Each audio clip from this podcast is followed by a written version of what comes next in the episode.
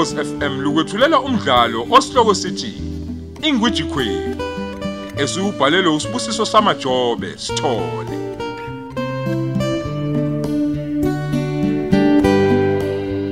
Damukela isiqebu sethu samashumi amabili nantathu.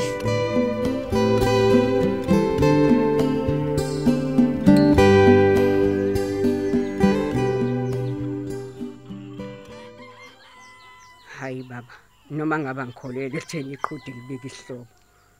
Hayi ngiyabona sekufanele ngikholwe manje.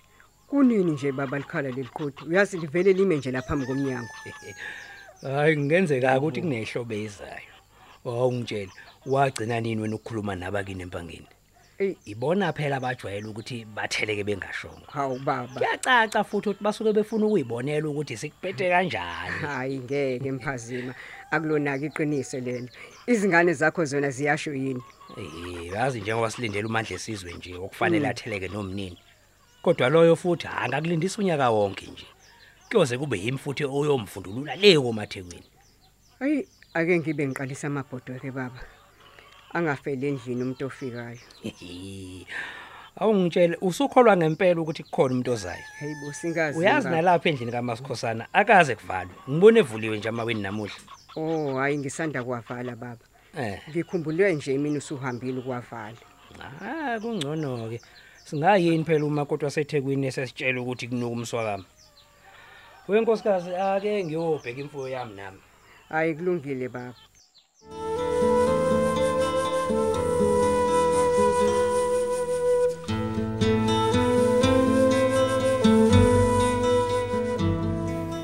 Ngiyamazi uthenjiwe. Angancisha amehlo nje. Hawu, lukhula phezukalo. Ubengenandaba phela nayo yonke lento bengimtshela yona. Yena nje ubefuna ukwazi ukuthi ngaboshwa kanjani kuphela kukho kunye akubuzile. Hey, ngokumazi kwami uthenjiwe. Cha, bengazi yena neze lo ngimaziwe nengimjwayele. Ubephuthume ejaha ukusuka eduze kwami. Noma kukhona lapha ebejaye khona. Hayi, angazi phela. Hawu zimbi wensele nje kwangekho ekhaya. Ukuba ube esaloni ubezosho. Kusho ukuthi ubeyiphuthumele kwenye indawo noma unamahloni akasafuna uba seduze kwami njengoba ngilana nje. Ah, phela ihlakanipho uthenjiwe. Kungenzeka kwazi yonke into eyenzeka phansi kwami nothandeka. Eish. Hawu phela lapho ngaba ngisenkingeni phela uma kunjalo.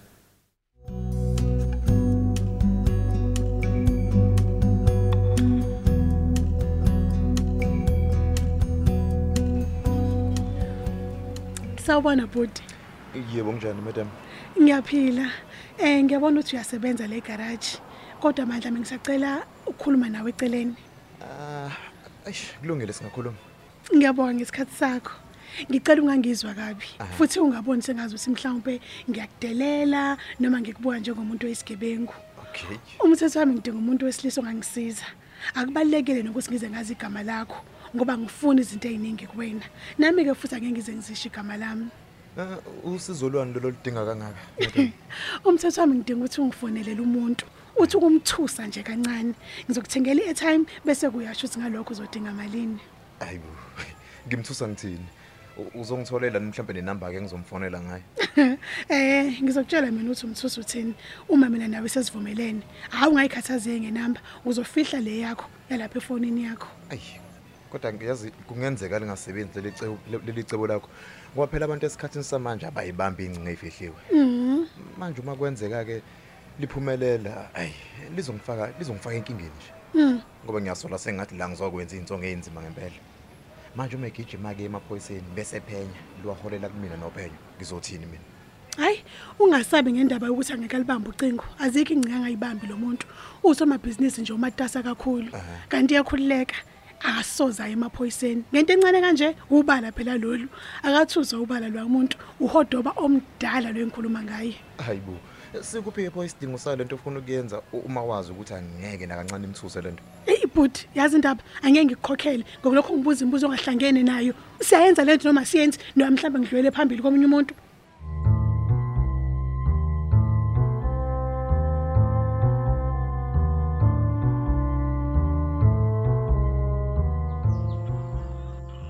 Unendlela enimandla Mhm.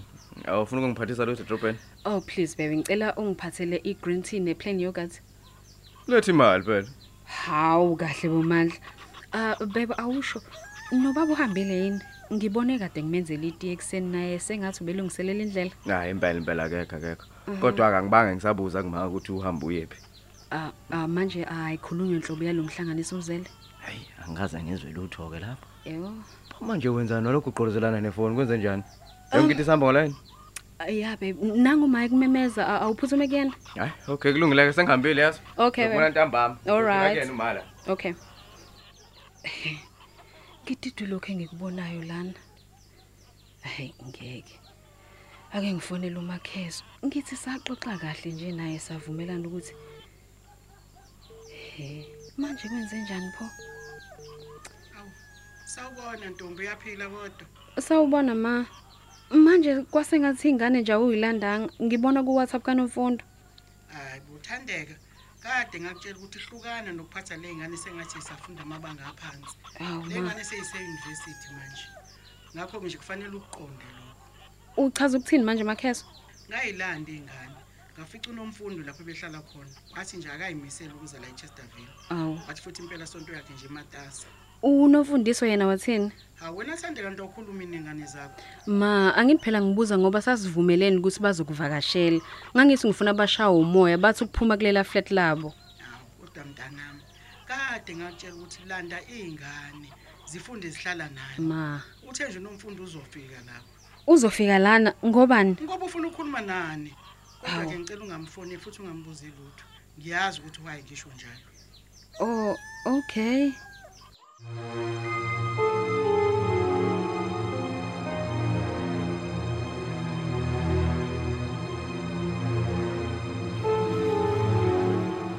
Uxolo, bengisacela ukusizwa lo yabhudi. Wazi konke engikudingayo.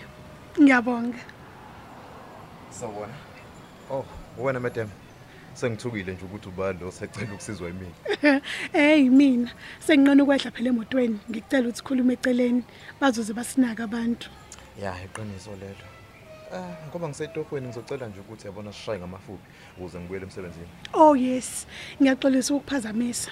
Buka ke, ngikunika kanjena ke. Uyabona kule envelope Yeah. kunemali engango 1000 rand kanye nenombolo yalomuntu le engithi ngicela ungifonele yena. Ngibhale khona ilapha ephepheni nje phakathi. Oh yeah. Ngiyazi ukuthi mina nawe sivumelane ngo3000 kodwa ke ngizokunika kahle mawusokuqedile umsebenzi. Eish, i-time nayo ifake khona la kule mali. Hayibo, ungazongenza njalo wena. Inkaba uma ithinyiwe ukuthi uyobulala, ungumuntu isebenzisa isibhamsayo ukuthi enze umsebenzi, inikezwe imali nje kuphela. Hayibo, usungahlula kuthenga i-airtime emayini engake ngikunikeze yona. Kokuqala uyabiza ngisho ukubiza nje. Okokuqala ngisiyona inkabi. Futhi angizobulala umuntu la. Hayi fani ke lento oyifanisayo. Futhi ungangitsheli ukuthi ngiyabiza ngibe ngifaka impilo yami engozini nasengcupheni la. Hey, angikhonondi. Kodwa ke phela i-airtime hayibo, usuyoyithengela wena. Sokhuluma kahle uma sekuphele konke. Eh, ya, usale kahle.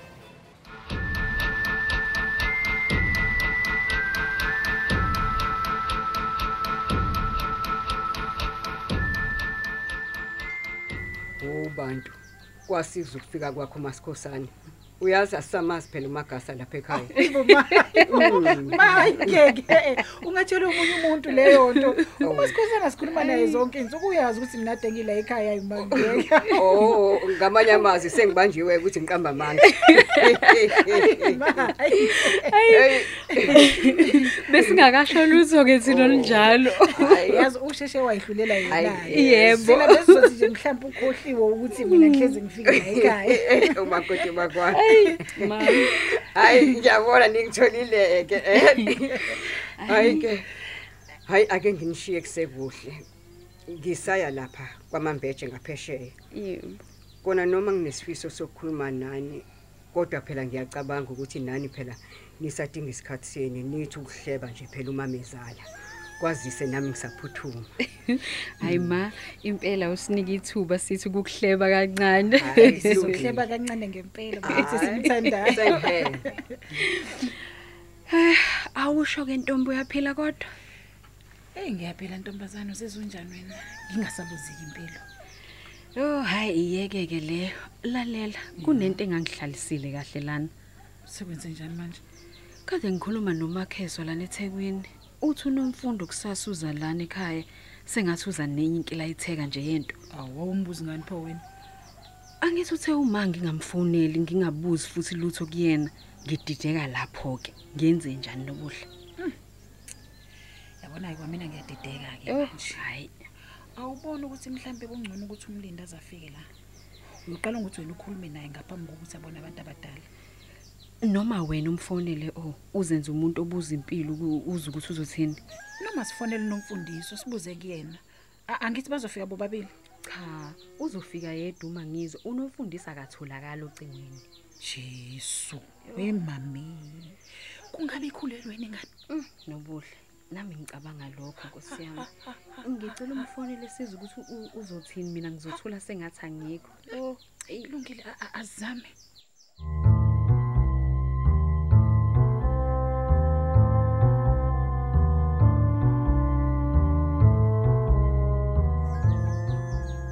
a- azame hayi ngimfonele kuqala uthandeka ukuze ukuthi nje esefonelwa yilo boy wasegarage sibe sesixoxile hayi noma ngabona ukuthi konke kuhlelwe yimina anginendaba Thenjiwe khona engakusiza ngakho? indlela kubengelela umngani wakho leyo Eh anginaso isikhathi sakho Thenjiwe ngimatasa lana. kanti angikuchithela isikhathi ukuthi nje ngididwe lo mdlalo odlalayo Ngeke uzuwazi vele kodwa ke ukhuluma ngani? ngokuthi wena futhi usujela uphumelele ngokuboshwa kwakhe. Awusamsabi yini? Kahle kahle. Ngisemakhaya sis. Angikwazi ukukhuluma ngomsebenzi kwamanje uma kuphuthuma ngafonela eoffice. hello? Thandeka. Wesigebengu kusho ukuthi kuhlezi nabasemzini ukufa lokhu. Abamazi usungcole kanjani lo malokazana wabo.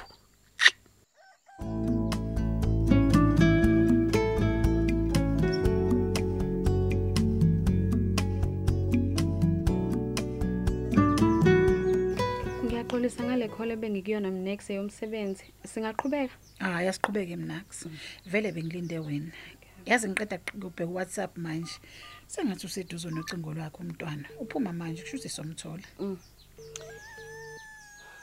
Mamncane, sawubona. hawele kunjani kodwa ndodakazi Ngiyaphila, hayi what a surprise bo. awu angithi wena phela ntomba ungifoneli awungitshele niqhuba kanjani kodwa nonomfundiso Awu siyaphila. Ngiyaphila mamncane. Ey kuningi nje kodwa kungixakile. U- u- Ugcineni nokhuluma noma izolo awu indaba lutho mama. A- a- Awusho kusasa umatasa kangakanani nobaba? hayi kuzwa ngokuthi usibuzelani ke ntombi yami Noma phela bengingabalekile kangako kodwa ngoba usuze wangifonela ke.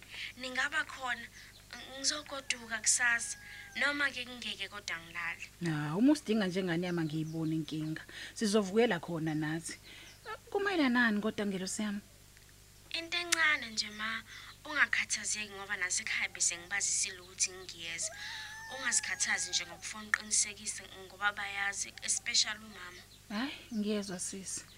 Hayi kusho ukuthi kuqondanile impela ukufona kwami.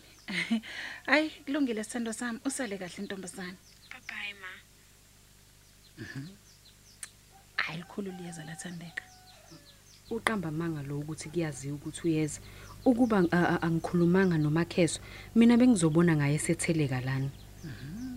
kodwa yazi uzwakala eqinisile ngokuthi kuyaziwa ekhaya A- awubuze kumkhuluwe Ucabanga ukuthi uyazi?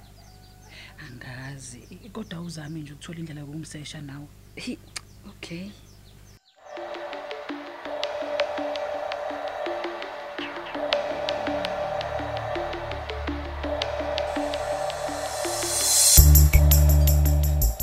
Kwaze kwakuhle kuphinde sibonane. Uphi umfana? Unqobe kuhlele ndlovini phela amandla kahlala kamazakhele. Ukumzile ngabe konke kuhamba kahle? Nginencindezi mandla engenasidingo. Angikwazi ukuthi uphuma pho usufuna izinto ezingaka emzuzwini emibili nje umemfukile empilweni yami. Hawu, awuphephisa ndukudla. Hawu. Bengesiyo nje inhloso yami leyo. Kusho- Incindezi yona yipi leyo uphekwa? Mhm. Yabona amandla kusho ukuthi wena ungibukela phansi awungihloniphi. Ucabanga ukuthi sonke lesikhathi bengihleli mina ngilinde wena. Akekho umuntu engithandana naye. Yazi eqinisweni ke. Ngeke ngacabanga lokho kodwa ke ngathi ngizokuyekela kuwe lokho. Ukukuthanda ngiyakuthanda amandla. Inyafisa ukuba ngumfazi wakho kodwa ke angeke ngize ngikwazi. isinqumo sakho leso phumzile usucaba ngeke waqeda noma mhlasimbe usadinga ukuthi ngikunike isikhathi Mandla kanti sikhuluma ngomuntu ongithandayo lana owevuka nami ekhombisa ukuthi ngibaleka ngakanani kuyena. Ungekho wena njengoba usuqhamuka nje nomhlambo wakho weenkomo usufuna nje ukungilobola. phumzile iphutha Hayibo. labakimi ngiyavuma kepha phela angeke nisiqonde isimo engazithola ngekuso ukuze ngishade nayo masikhosana Angeke sisiqonde. Sinobani mandla? hayi nabazali bami nabo nje kwaba umangala ukuthi hayibo sengithatha intombazane yaseThekwini kodwa ke basihlonipha futhi isinqumo sami Usufuna ukuthi awumthandi. eh, Ayifuneki indoda ngizwe, eyiqoki ngizwe, njalo. cha, cha, Hayibo. eh, eh, angeke ngikusho lokho uthandeka ngiyamthanda kakhulu futhi ngicela nje sikhulume ngalokhu ngesinye isikhathi ngiyakucela okwamanje inkinga esinayo yile yami nawo Hayi, akukho nkinga lana amandla. Eqinisweni ngiyakuthanda. Uyabona nje ngikuthanda kakhulu ngaphezulu kwesoka lami leli esikhuluma ngalo. hawu pho inkinga ikuphi ke manje mama? Ngilinde ngiqede.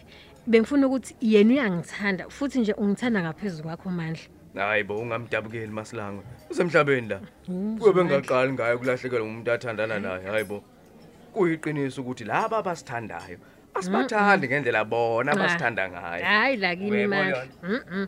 Angeke nje kuze kwenzeke lokho la kumina amandla. Uma kuyindlela nje ocabanga ngayo kusho ukuthi asicabanga ukufana. Futhi ke nje kukhona okungakhulile la phakathi kwethu ngokomqondo. Ah, ah, angizwanga Ungizwa kahle. Hawu ngizwa kahle ngempela. Uma ngathiwa nje angikhethe phakathi kwalabantu ababili engiqeda ngibachaza.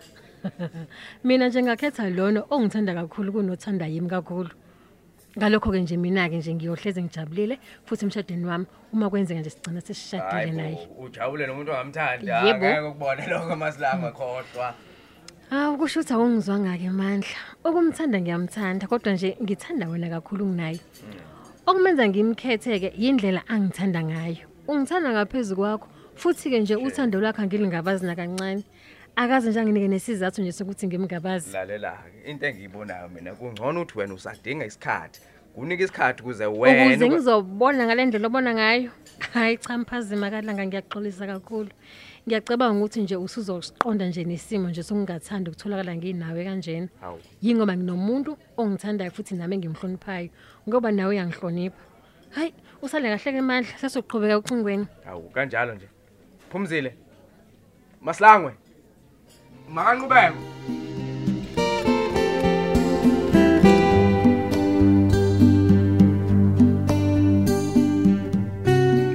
Sisibeka lapho isiqephu sethu esithi Ingwiji Queen osethulelwa ukhozi FM